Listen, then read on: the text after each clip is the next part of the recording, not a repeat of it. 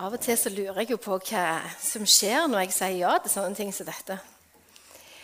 Um, men det gjorde jeg når Torstein spurte meg og spurte om jeg kunne snakke om bønn. Og da var det mye som begynte å kverne i hodet mitt.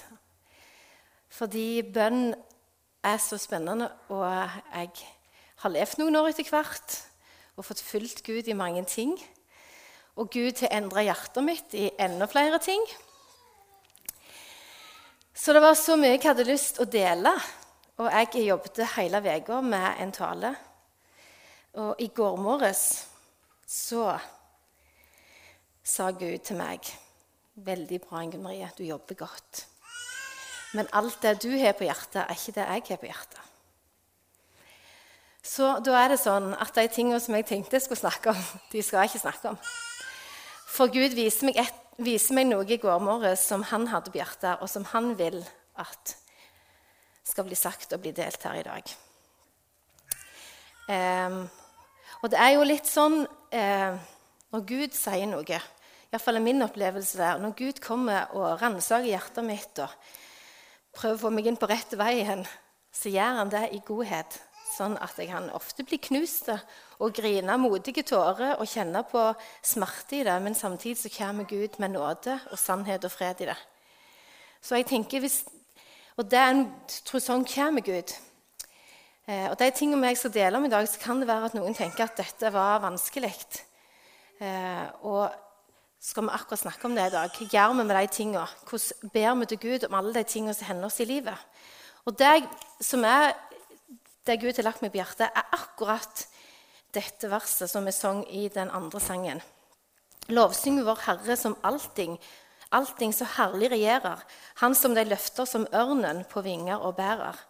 Han lar deg få mer enn du selv kan forstå, bedre enn hjertet begjærer. Før vi går inn i talen, så tenker jeg bare det å ha et godt, et riktig bilde av Gud er ganske viktig når vi skal høre hva Gud forteller oss. Og En som heter Magnus Malm, en svensk god mann, han skriver mye klokt. Halvparten forstår jeg ikke fordi det er så dypt. Eh, og noe vi grunner lenge over, og det tror jeg er veldig bra. Men han har skrevet noe om to bilder av Gud. Bak scenen går det ene bildet av Gud er sånn. Bak scenen går han hele tiden kritisk og sur og ser til at vi jobber. Gnien med lønnen og gnien med fritiden. På scenen viser han oss frem for folket med blendende smil og sier, 'Se hva han kan, så åndelig han er', hopper høyere enn alle andre. Den som ikke holder seg på topp og stadig fornyer seg, får sparken. Et annet bilde av Gud, Faderen, sitter taus på kjøkken og stuller med sitt mens kaffekjelen putrer på ovnen. Ser opp når sønnen kommer hjem inn etter dagens arbeid, trøtt og fåmælt. Så sitter de der ved, sitt, ved hver sin ende av bordet, og like selvfølgelig som duften fra ovnen forkynner at kaffen er klar, fylles rommet av en taus og nøktern samstemthet hjemme hos hverandre. Martin Luther sa, 'Hva er tro annet enn en bønn?' Det å være bønn er jo å leve livet med Gud i alle ting, alltid. Kvaliteten Jeg er veldig opptatt av relasjoner. det vet de som kjenner meg. Og relasjoner til barn er vel kanskje det jeg er mest opptatt av av alt. Men i forhold til relasjon, men jeg er veldig opptatt av kvaliteten på relasjonen til Gud. Og kvaliteten på relasjonen er jo ofte den som avgjør eh, hvordan vi er sammen med andre. Og min relasjon til Gud avgjør hvordan jeg er i lag med Gud. Jeg har en veldig annerledes relasjon til min mann Bjarte enn jeg har med noen andre. Det er jo litt spesielt Bjarte, at du alltid sitter der nede når jeg taler og styrer lyden. Det har jeg tenkt på. Men det er jo godt og trygt for meg. Min relasjon til Bjarte er unik og enestående og ikke noe jeg deler med noen andre. Han kjenner meg på godt og vondt. Han kjenner meg de dagene jeg er det beste av meg sjøl, og han kjenner meg på de dagene jeg er det verste av meg sjøl. Og så er det et under for meg at Bjarte likevel elsker meg og syns jeg er så grei. Det sier han. 'Du er så grei, Ingunn Marie.' Det er for meg et under mange ganger. Sånn er det også med Gud, og sånn er min relasjon til Gud. Det som jeg deler med Gud, det er unikt og enestående. Og vårt forhold, meg og Guds forhold, er ikke likt noen sitt andre sitt. For det er bare meg og Gud sitt. Misjonæren Rosalind Linker definerer bønnen som en dialog mellom to som elsker hverandre. Gud trenger ikke fine og velformulerte ord. Han vil at vi skal være oss sjøl. Vi trenger ikke skjule noe, og Gud vil ikke vi skal skjule noe. Gud vil vi skal komme med alt akkurat sånn som det er. Han vet jo fra før av uansett. For da vil vi få erfare at vi blir sett og forstått og møtt med nåde og kjærlighet til å vokse. For Gud elsker at vi er med Han i alle ting. Alltid.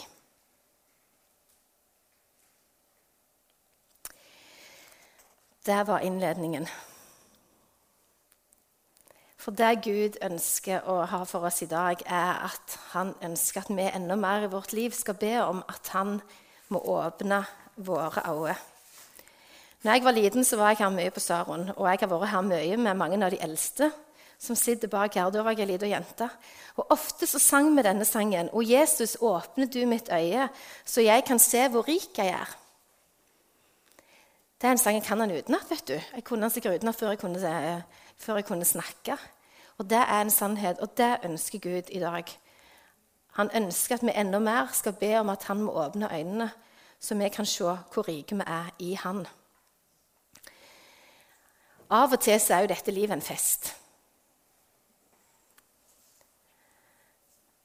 Og vi har Men mange ganger så er det ikke det. I forhold til sånne grunnfølelsene vi har i livet vårt, så er fem følelser negative eller dårlige, og to er gode. Så det betyr at det er ganske vanlig å ha det vondt. Livet er oppturer, og livet er nedturer. Vi opplever motstand, vi opplever lidelser.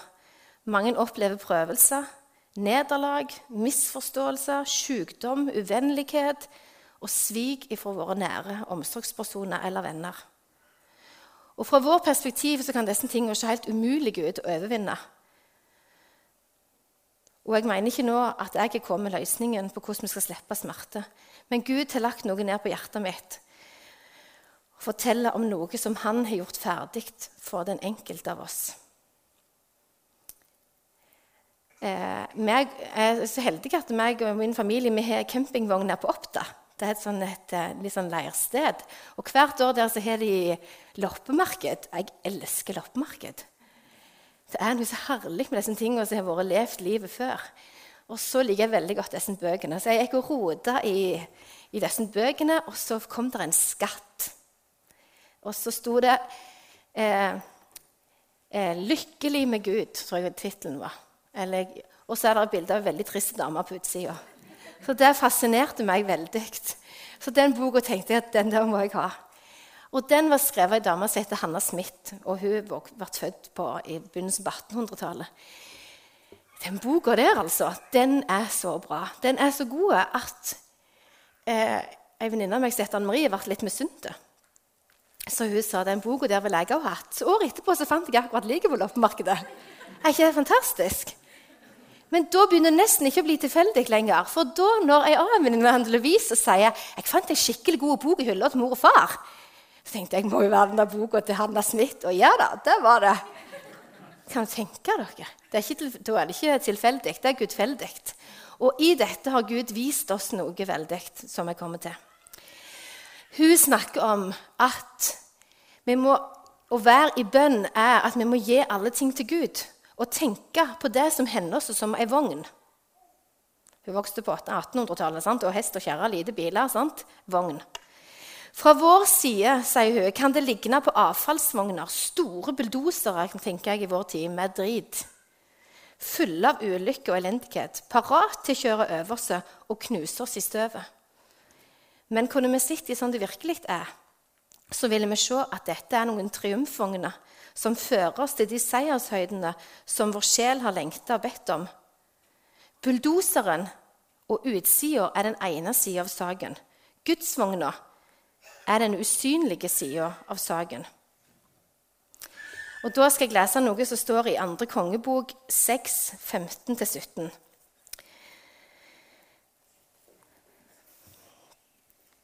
Da er det Elisha, som, profeten Elisha, som er i lag med eh, med en gutt som han har hos seg. Og han får hele veien åpenbaringer til Israels konge, så aramittenes konge blir veldig irritert og forstår at det er noen som snakker sannhet og forteller ifra Gud hva som kommer til å skje hele tida. For hver gang han prøver seg å ta israelittene, så har allerede Elisha gitt beskjed til kongen, og de er klar. Eh, og så er det sånn at Aramittenes konge har fått visst nå at det er Elisha som snakker med Gud, og det er han som gir videre til, til kongen hva som blir sagt. Og de bestemmer seg for å ta og drepe Elisha for å få slutt på dette. Eh, Elisha sjøl er veldig rolig i forhold til dette. Han, han er så rolig fordi at Gud har åpna øynene og latt han få se hva han har gjort ferdig for han. Mens eh, gutten som er 21, han ser ikke det samme, og han er veldig redd. Vi leser fra, vers 15. Tidlig neste morgen, da gudsmannens tjener sto opp og gikk ut, fikk han øye på en hær med hester og vogner som omkringet byen. 'Å, min herre, hva skal vi gjøre nå?' sa gutten til Elisha. Han svarte, 'Vær ikke redd. Det er flere som er med oss, enn med dem.' Så ba Elisha og sa, 'Å Herre, lukk opp guttens øyne, så han kan se.' Herren åpnet øynene hans, og han fikk se at fjellet var fullt av ildhester og ildvogner rundt omkring Elisha. Og så ba Elisha om at øynene måtte bli lukka på soldatene som kom. Og de ble ført en annen plass, ført til kongen. Og kongen lurte på hva vi skulle gjøre med disse, om han skulle ta livet av dem. Og så sa Elisha nei, gi dem mat, og send dem hjem igjen. Og det kom aldri noen flere og prøvde å ta Elisha. Men der åpna Gud øynene til at han fikk sett hvorfor, uh, hvorfor han var så rolig, han Elisha, og tjenestegutten var så redd. Hva gjør vi med det som hender oss i livet? Vi kan også velge hva vi vil det skal bli til. Velger vi å kaste oss for en bulldoser som knuser oss, eller klatrer vi opp i denne vogna, som kan føre oss opp og fram som ei Guds vogn? Stiger vi opp, så vil vi erfare, åndelig talt, at vi blir rykka opp med Gud. Ikke opp til himmelen, men opp til Jesus, der som han er. I høysangen så står det at Salomos i vogn var en sånn bærestol-lignende sak var smykka i kjærlighet. Vi vil nok ikke se kjærlighetens trekk på den vogna vi ofte må oppi. Det er min erfaring i livet. De ser ut som noen bulldosere fulle med drit som er i ferd med å knuse oss. Og den har vært i ferd med å knuse meg mange ganger. Men det er noe sånn omvendt, for vi ser ikke, vi ser bare den synlige sida av saken. Vi ser ikke den usynlige sida av saken. Vi vil nok ikke se at kjærligheten strekker på vogna den kan ofte være, se veldig avskrekkende ut. Vogna kan se ut som vonde sår fra egen oppvekst. Det kan se ut som mobbing, det ser ut som sykdom. Det er vondskap fra andre mennesker, og det er svikt fra andre. Vi må be Jesus om å åpne øynene, så vi kan se at vogna allikevel er trukket med kjærlighet. For Guds kjærlighet er den mykeste puta vi kan hvile på. Ofte så kan en sette seg oppi sånn, jeg, Dette bildet har jeg hatt noen ganger, og jeg har tenkt at nå må jeg sette meg oppi vogna og la Gud dra. Men det er ikke lett, for han vil så ofte bare ordne ting sjøl. Og Vi setter oss kanskje oppi denne vogna og klarer ikke å få noe ut av det. Vi klarer ikke å få perspektiv eller oversikten. Så sier Hanna i sin bok prøvelser og motgang tar seg svært forskjellig ut, alt etter om man ser den ovenfra eller nedenfra. Det som kan se ut som et uovervinnelig mur nede på jorden, kan være en ubetydelig linje når man ser det fra en fjelltopp. Og Det betyr ikke at det som skjer oss i livet, er ubetydelig. Og det betyr ikke at det ikke er vondt. Og det betyr ikke at sånn vi opplever det, at det er vanskelig. Men det betyr at Gud ønsker å løfte oss opp til noe annet. Han ønsker å dra oss i dette. Han ønsker at vår bønn i alle ting skal være åpne øyne, så jeg ser Gud hva du gjør i dette.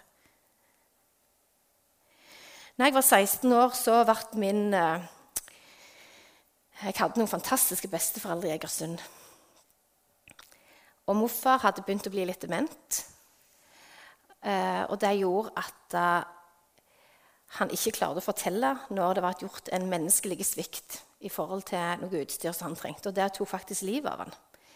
Men før han dør, så havna han inn på en sykehjem i Egersund. Og mormor altså, hun var så forelska i morfar alltid. Det var så fantastisk. Hun var så enormt forelska i han alltid. Jeg husker bare det jeg tenkte, det der er sikkert sånn nyforelska. Husker jeg tenkte da jeg var liten. Um, og det å miste mannen sin det tror jeg var altså knallhardt for henne. Så var vi nede på sykehuset, og så sier hun til meg jeg tror meg og deg reiser hjem til meg, for jeg har tatt farvel. Og Så bestemte min mor at hun ville stå igjen og bare be og være nær sin egen far mens han for eh, hjem til Gud. Og så, når vi kom der For mormor lærte meg mye om å sette oss opp i vogna, og så sa hun sånn Dette klarer ikke jeg alene. Dette klarer ikke jeg alene. Det har alltid vært en sang i vår familie som vi har sunget, og som mormor sang. Og det er 'Styr du min vandring'. Den sang vi hver dag hjemme i vår familie. Og så sier mormor til meg 'Nå må du synge'. Nå må du synge denne sangen, denne bønnen til Gud, for nå klarer ikke jeg å gjøre det sjøl. Og dette klarer ikke jeg å gå gjennom uten at Gud løfter meg. Og jeg setter meg ned i gyngestolen til mormor og gyngte fram og tilbake, fram og tilbake og sang 'Styr du min vandring, frelser så kjær', slik at den leder dit hvor du er. Og la mitt øye skue din høye herlighet der. Sorgene tynger, angsten er nær. Herre, du vet at jeg har deg kjær. Trykket av trengsel, grepet av lengsel, gråter jeg her. Andre går bort, men du hos meg står. Trøst i min sorg. Hos kun deg jeg får. Såret som smerter, nedbrutte hjerter du blott forstår. Hjelp meg, o Gud, mitt håp står til deg. Nå hvert et lys er slokt på min vei. Ro jeg eier deg før enn du frir meg, signe du meg. Herre, din nådes kraft la meg få, så jeg med mot kan videre gå. Styrk meg og bær meg, led meg og lær meg himmelen å nå. Snart skal jeg møte frigjort og glad, venner og kjære frelst i Guds stad. Sorgen vi glemmer, glade i stemmer, Frelserens kvad. Hun tenkte jo at hun skulle få reise veldig fort etter, så det siste verset ville hun skulle synge mange ganger. Snart skal jeg møte frigjort og glad. Det ga veldig trøst. Men også den der mamma sa det gjør så godt å be denne bønnen til Gud, for jeg kjenner så på angsten for å gå videre. Men det mamma hadde lært seg under livet, og gjennom krigen og alt de hadde opplevd der, var at jeg må sette meg opp i Guds vogn og la Han dra meg. Jeg kan ikke gjøre dette alene. Jeg klarer ikke dette alene. Altfor ofte tror jeg at vi fristes til å bruke jordiske hjelpemidler. Det vi kan se, det vi kan ta på, og det vi kan kjenne på. For det er så mye mer virkelig for oss. Men Guds vogner er usynlige og Derfor gjør det litt vanskelig for oss å tro at de finnes. Eh, ikke så lenge, eller En stund etter mormor hadde mista sin mann og begynt å leve videre, så datt hun en dag og kjente at hun brakk hofta skikkelig. Det var sånn at når Hun klarte ikke å lære seg en millimeter. Og Da tok mormor og satte seg opp i en ny vogn, og så ba hun frimodig. For var det noen hun visste som elsket henne, så var det Gud. Så mormor ba følgende. Kjære Jesus, nå ser du at jeg datt her og kom ingen vei. Og nå gir jeg deg to alternativ. En, ta meg hjem til deg. To, send hjemmesykepleien.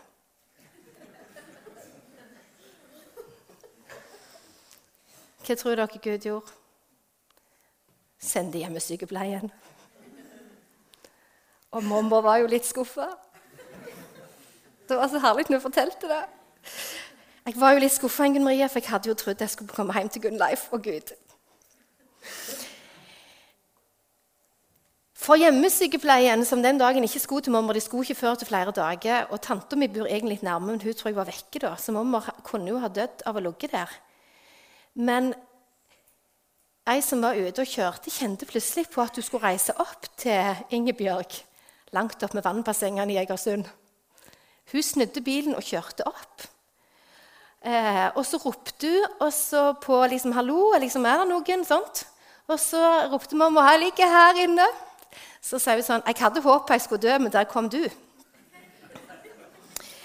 Og så fikk altså denne dama, som ikke trodde på Gud, møte en Gud hun ikke hadde tro på fantes. Der mamma kunne si jeg ba til Gud og ga han to alternativ. Det andre var deg. Det var et sterkt møte for den dama. Et sterkt møte med en Gud som hun ikke var, trodde var der, men som mamma visste godt var der. Legg din vei i Herrens hånd og stol på Han, så griper Han inn. Legg din vei i Herrens hånd og stol på Han, så griper Han inn. Legg din vei i Herrens hånd, stol på ham, så griper Han inn. Salme 37, 5. 5. Mosebok 31, 8. Herren skal selv gå foran deg. Han skal være med deg. Han svikter deg ikke og forlater deg ikke. Vær ikke redd og mist ikke motet. Vi kan ikke kjøre to vogner på en gang. Det er veldig umulig. Vi kan se for oss dette bildet selv om vi ikke kjører som hest i nå. Men med én fot i hver vogn det blir veldig vanskelig hvis hestene begynner å ta litt hver sin vei. Så det er best å ha begge vognene oppi ei vogn.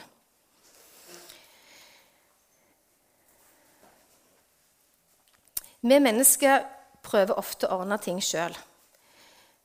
Først så prøver vi å fikse det sjøl, og hvis vi ikke klarer å fikse det sjøl, så kan det være vi spør noen andre om hjelp, og hvis vi ikke klarer å få noen andre om hjelp, så spør vi Gud. Men Gud vil at vi skal komme til Han først med alle ting.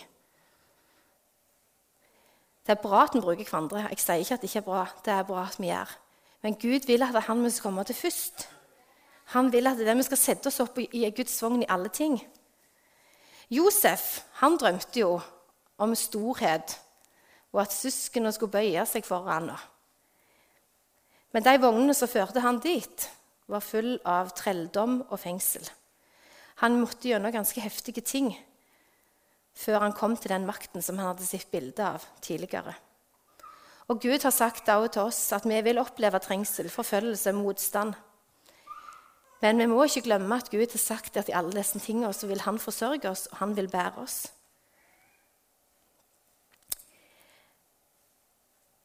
Mor levde sitt siste døgn med kreft.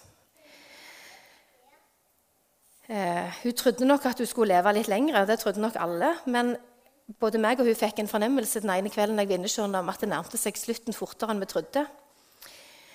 Eh, og Om morgenen så spurte mor om at jeg kunne være grei og stellende, for det var bedre å bli stilt med hendene med kjærlighet enn de som hadde det så travelt. Og Ikke noe vondt til de som jobbet, men sånn er det jo. at de vi elsker, behandler vi kanskje på en, på en annen måte. Jeg stelte mor og skulle til å få henne opp i senga igjen. Så detter mor i armene mine og sier, 'Nå reiser jeg hjem til Jesus'. Og jeg, Det er jo litt løye hvordan hun reagerer, så jeg lurte litt på å gjøre sånn med en gang før jeg får deg oppi. eller... eh, og det var vanskelig å få henne oppi, for hun ble veldig slapp. Men vi fikk henne oppi, og så fikk mor eh, eh, seg litt, og så sier hun jeg reiser nok hjem i dag til Jesus. Eh, da setter mor seg opp i ei vogn. Mor hadde så vondt. Hun hadde falt og slått ansiktet. Det så ikke ut. Og så sier mor så herlig Å, jeg elsker Salme 23. At jeg bare skal få ligge på grønne enger. Og jeg så der tenkte og hun, jeg så hvordan mor kjente at hun lå på grønne enger, at Gud forsørger deg alle ting.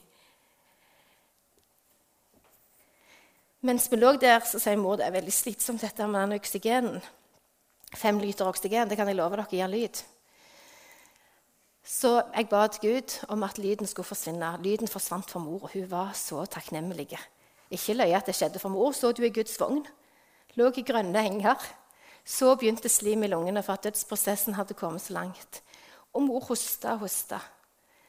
Så sier mor er jeg så sliten av å hoste. Så ba vi igjen, og hosten forsvant. De som jeg, mange hørte jeg fortalte dette før. Og så ba, sier mor kan vi ikke be om hele kreften, da? og så gjorde vi det. Men det Gud ga mor da, var jo kraft og fred til å forlate oss som hun var så glad i.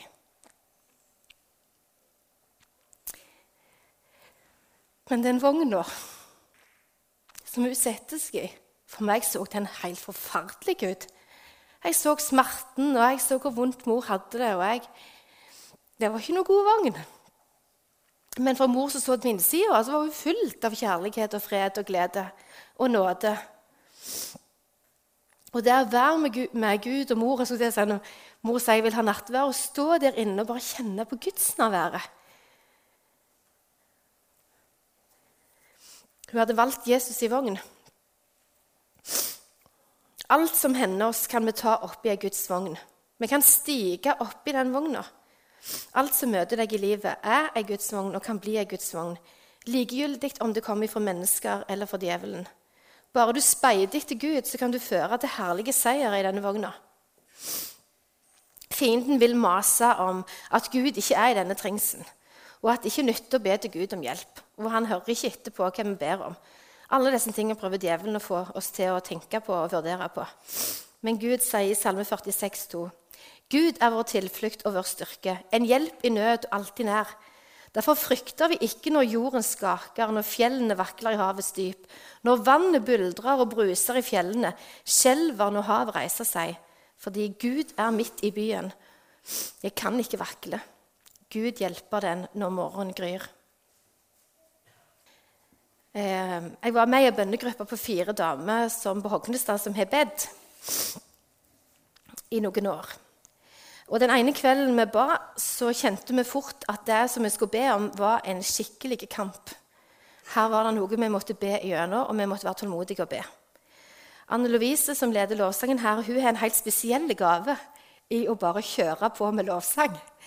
Så hun tok oss gjennom igjen og igjen og igjen og igjen. og igjen. Elinor tror det tok en time.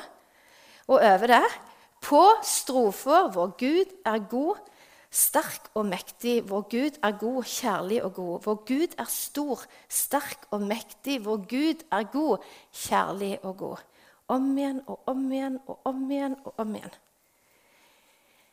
Plutselig er det som Gud åpner øynene mine, så jeg får se at oppe med E18, oppe med bue der, der, så stenger det av en vegg med noen engler som er så store at jeg ser ikke hvor de starter, hvor de begynner. Og det er fullstendig stopp.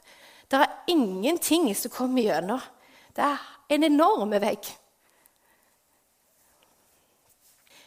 Eh, vi oppmuntrer hverandre med dette. Og i sånne stunder ble vi også igjen minnet om hva det vil si å gå med alle ting i bønn opp i Guds vogn. Det er ikke vi som skal kjempe den kampen, men vi skal stå i det og være med og kjempe og be og be og be. Men vi må sette oss oppi og la Gud få gjøre de tingene som vi ikke ser. Og Noen ganger er det jo sånn at vi ber om noe, og så får vi det med en gang. Og andre ganger så kan vi ha bedt i årevis, og det skjer ingenting, tror vi. Men Gud sier jo i Bibelen at det vi ber om, det som to og tre ber om, det skal vi få. Men det ser kanskje annerledes ut. Kanskje forventer vi å se det på den måten, og så er det noe annet det kommer til å se ut som. Jeg har ei god dame som heter Marie, som er min trosvandrer. Vi bekjenner synd for hverandre, vi oppmuntrer hverandre, vi griner sammen. Vi lærer mye sammen. Vi deler alt som skjer i forhold til Gud i livet vårt, i sammen. Eh, og vi har mange ting vi ber om, så ber vi også om disse tingene sammen. Eh, vi hadde vært inne i en periode der vi hadde bedt og bedt og bedt. Og det var mye angrep. Og det gikk på helsa til begge to, og vi var enormt slitne. Eh, vi pleier alltid å si at vi må hoppe opp i vogna. Men det var akkurat som vi begynte å lure på om vi så dem i vogn, eller om vi hadde falt ut, eller hvor det var. Hvor var vi henne? Og denne kvelden når vi ringte til hverandre, så var det vanskelig å holde motet oppe. Ofte er det sånn at vi ikke er slitne på likt, men at vi klarer å oppmuntre den andre når den ene ligger litt nede. Men denne dagen var vi ganske på bånn, begge to. Vi avslutta samtalen med å be til Gud om at han nå måtte vise oss om vi var utenfor eller innenfor i denne vogna, om det var meningen det vi holdt på med. Jeg gikk og la meg, og jeg vet at den natta så jeg fryktelig urolig. Jeg skulle på jobb, og jeg var fryktelig lite klar for å gå på jobb. Men jeg hadde én ting i hodet mitt, at jeg skulle speide etter svaret Gud ga meg. Når jeg går ut den dagen, så ligger der ei bitte lita kritthvit fjør rett ut forbi inngangsdøra hos meg. Og jeg ser det, og jeg blir så glad. Og så snakker jeg med Anne Louise, nei, med Anne Marie, og så forteller hun i dag fant jeg ei hvit fjør på trappa mi når jeg gikk ut. For dere kan dette virke helt merkelig, og jeg skal forklare hvorfor vi ble så glade for dette. For antageligvis kan noen tenke ja, det var jo tilfeldig. Det er jo mye fugler på line, og der borte så hun bor òg. Så at ei lita fjør detter ned, det kan jo skje. Og det kan skje. Men for oss var dette noe mer enn akkurat det. Av og til så åpner Gud øynene mine, og at jeg får se mye av de englene og de vaktmennene som Gud har satt rundt oss. Og Kanskje er det vært siden jeg var liten, så har jeg bedt mye Gud om dette fordi jeg var mye redd og engstelig for ting. Og Gud som liten lot meg få se at passer jo, jeg passer jo på deg, Ingunn Marie. Mange store kamper og ting som han har vært gjennom, så har jeg sett at Gud har jeg sitter sånn ringer med engler og vaktmenn som Gud har plassert rundt. Og ytterst har vi det sånn som jeg fortalte om nettopp, sånne store Og dette er sånn som Gud viser meg. Det kan godt være at noen andre har helt andre bilder, men sånn viser Gud meg. Akkurat som det står en vegg med noen store, og de er ikke mange, men de er så store at de dekker et enormt område. Og innenfor der står noen purpurfarga krigere med sverd.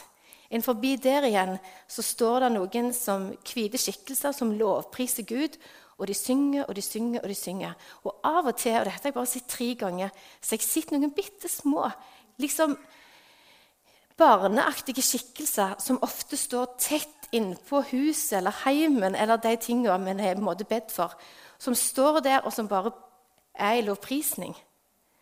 Jeg, ofte, jeg klarer ikke å se det, men jeg har ofte tenkt at de har masse små fjær. At de er dekka av noe. Så når denne fjøra lå på min trapp tok meg ei stor fjør. Den lille fjøra ligger inni, hun er bitte liten. Da den lå på min trapp og på hennes Anne Marie trapp, så visste vi at dette var et tegn på at vi var i vogna, og at Gud hadde full kontroll, og at kampen nå kanskje endelig var over. Og at det som har bedt, kan det gå en tid før vi ser på jorda, men at vi har fått lov til å være med i dette. Gud ønsker at vi skal gå helhjertet opp i vogna, ikke ha en fot utenfor. Han vil at vi skal gå oppi der og ikke holde igjen. At vi skal ta imot hele Guds vilje og legge armene og legge alt i hans armer. For det som skjer i vogna, det er jo at vi blir båren av Gud. De armene er liksom i vogna og rundt oss, sånn at i alle ting så er Gud rundt oss. Favorittverset mitt i Bibelen det starter sånn Du hjelpeløse og forblåste som ikke finner trøst. Det er et fantastisk vers. Jeg liker så godt når Gud forstår hvordan jeg av og til har det. Du hjelpeløse og forblåste som ikke finner trøst. Og så etterpå i Jesaja der, så står det så mye fint om hva Gud har lagt ferdig for meg. Hvis jeg setter meg opp i vogna og lar Han få vise meg det. I jobben min så har jeg en del undervisning, og da snakker vi på et egnet foreldrekurs jeg har om noe som kalles for oppmerksomhetsprinsippet. At det vi har fokus på, det får vi mer av. Så hvor har vi fokus? Har vi fokus på det Gud har for oss, og ber om at han må åpne øynene våre, eller har vi fokus på alt vi ikke makter å få til? Jeg for min del har fokus helt feil plass av og til. Og da er jeg så glad at Gud inviterer meg til å komme opp i vogna hans igjen. Hvis du spør hvor er mine vogner, så sier faktisk salmisten i salmene Guds vogner er 10 000 ganger 1000. Det er ganske mange vogner. 10 000 ganger 1000. Og jeg tenker at Hvis Gud hadde åpna øynene våre akkurat nå i dette øyeblikket, så er jeg sikker på at vi ville se alle sammen at vi har masse vogner i våre liv. I heimen, på arbeidsplassen, her som vi bor, og der vi er. Vi trenger ikke å gå på mangel av vogner, iallfall. For Gud har vogn til alle ting. Mange kjenner på at en lid, altså opplever misforståelse, ydmykhet, skuffelse og tap. Og alt dette er vogner som Gud ønsker å føre deg opp og fram igjennom. Mor Teresa Jeg kan ikke ha tale uten å snakke om hun òg. Hun sa alltid at når ting skjedde henne i livet, så ble hun så begeistra fordi hun tenkte på disse vognene, hun òg. Og så sa hun til Gud hva for en herlig seier skal du føre meg i nå? Og hun var ikke frigjort for smerte og sykdom og det som var vanskelig. Hun ble utfordra av Gud på de utroligste ting. Men i alle ting så satte hun seg opp i vogna og stolte på at Gud kom til Berna, og så var hun i bønn og var med Gud. Og det er det dette handler om, det med å være i den vogna. Det handler om å gå til Gud med alt. Og hva er det annet enn en bønn? Dette er en bønn tenker Gud ønsker at vi skal be hver dag. Lukk opp mine øyne, så jeg kan se. Lukk opp mine øyne, så jeg kan se. For det som er av sannheten, er at rundt oss er det fullt av vogner som Gud ønsker å dra oss gjennom.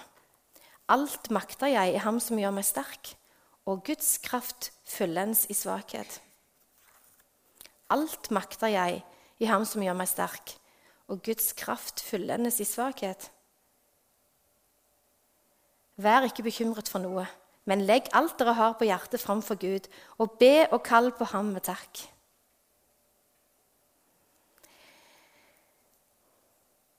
Jeg håper noe av dette gir mening for dere.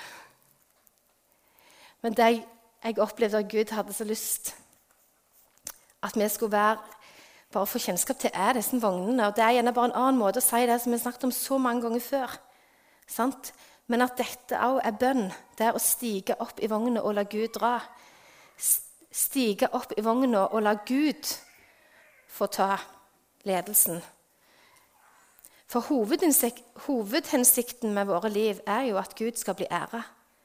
Det er ham vi lever, beveger oss til. Og når vår bønn blir at vi setter oss oppi hans vogn, så stoler vi på hans ledelse. Da blir ikke det viktigste hva vi ber om, men at Gud blir æra med, med med at vi får det sånn som han vil. Jeg skal si det en gang til. Hovedhensikten med våre liv er at Gud blir æra. Det er ham vi lever, beveger oss til.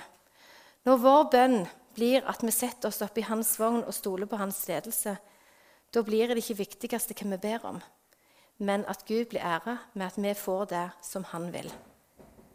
Og det er det beste for oss, er mine erfaringer gjennom livet. Uansett. Gud har brukt mye sang i mitt liv som bønn. Jeg vil gjøre mitt liv til en lovsang til deg, den er jeg så glad i. Og der på det andre verset så sier om sangen iblant skulle stilne og forstyrres av uro og strid. Herre, åpne på ny mine øyne, så jeg ser at hos deg er min fred. Det er jo akkurat dette de sier. Det er jo akkurat dette handler om igjen. Stige opp i vogna. At Gud må åpne øynene våre, og at vi kan se at det er ikke han vi har freden. Jeg tror Gud ønsker i dag å vise hver enkelt av oss hva ting vi trenger å sette oss opp i hans vogn og la han ta ledelsen på. Når jeg holdt på med dette i går, så tenkte jeg å ja, så der har jeg gått litt i egen kraft. ja. Den har jeg bare kjørt på og tenkte jeg skulle fikse sjøl. Så det var en del ting jeg måtte gi til Gud igjen. Det var noen vogner jeg måtte sette meg opp i. Og så er det sånn at ting som skjer oss, det gir meg liksom trøst om det kommer fra mennesket eller om det kommer fra djevelen. Bare vi speider til Gud i det, så kan han føre oss til en seier i det. Det er sånn omvendt.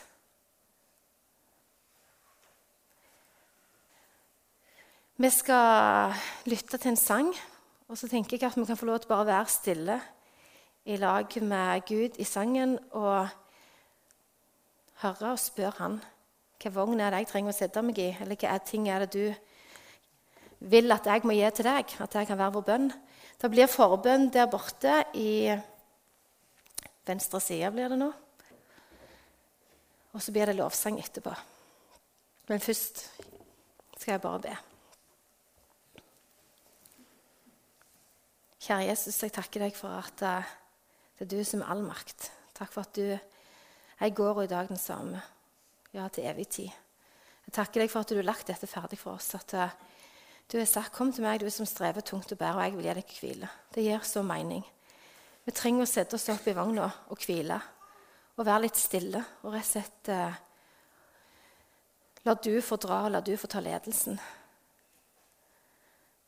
Jesus, tilgi meg for alle de gangene jeg prøver å dra den vogna sjøl. Eller finne helt andre vogner å sette meg i som ikke fører noen plass. Eller stole på egen kraft.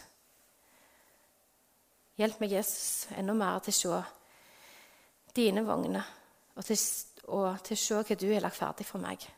Og Jesus, må du åpne våre øyne, så vi kan se hvor rike vi er i deg.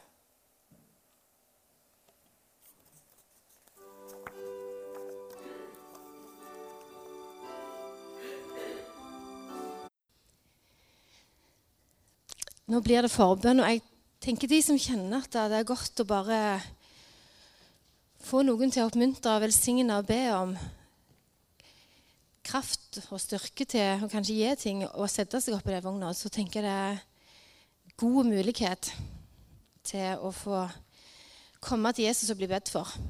Det er ingenting noe annet enn det Jesus ønsker, for at vi skal komme til Han.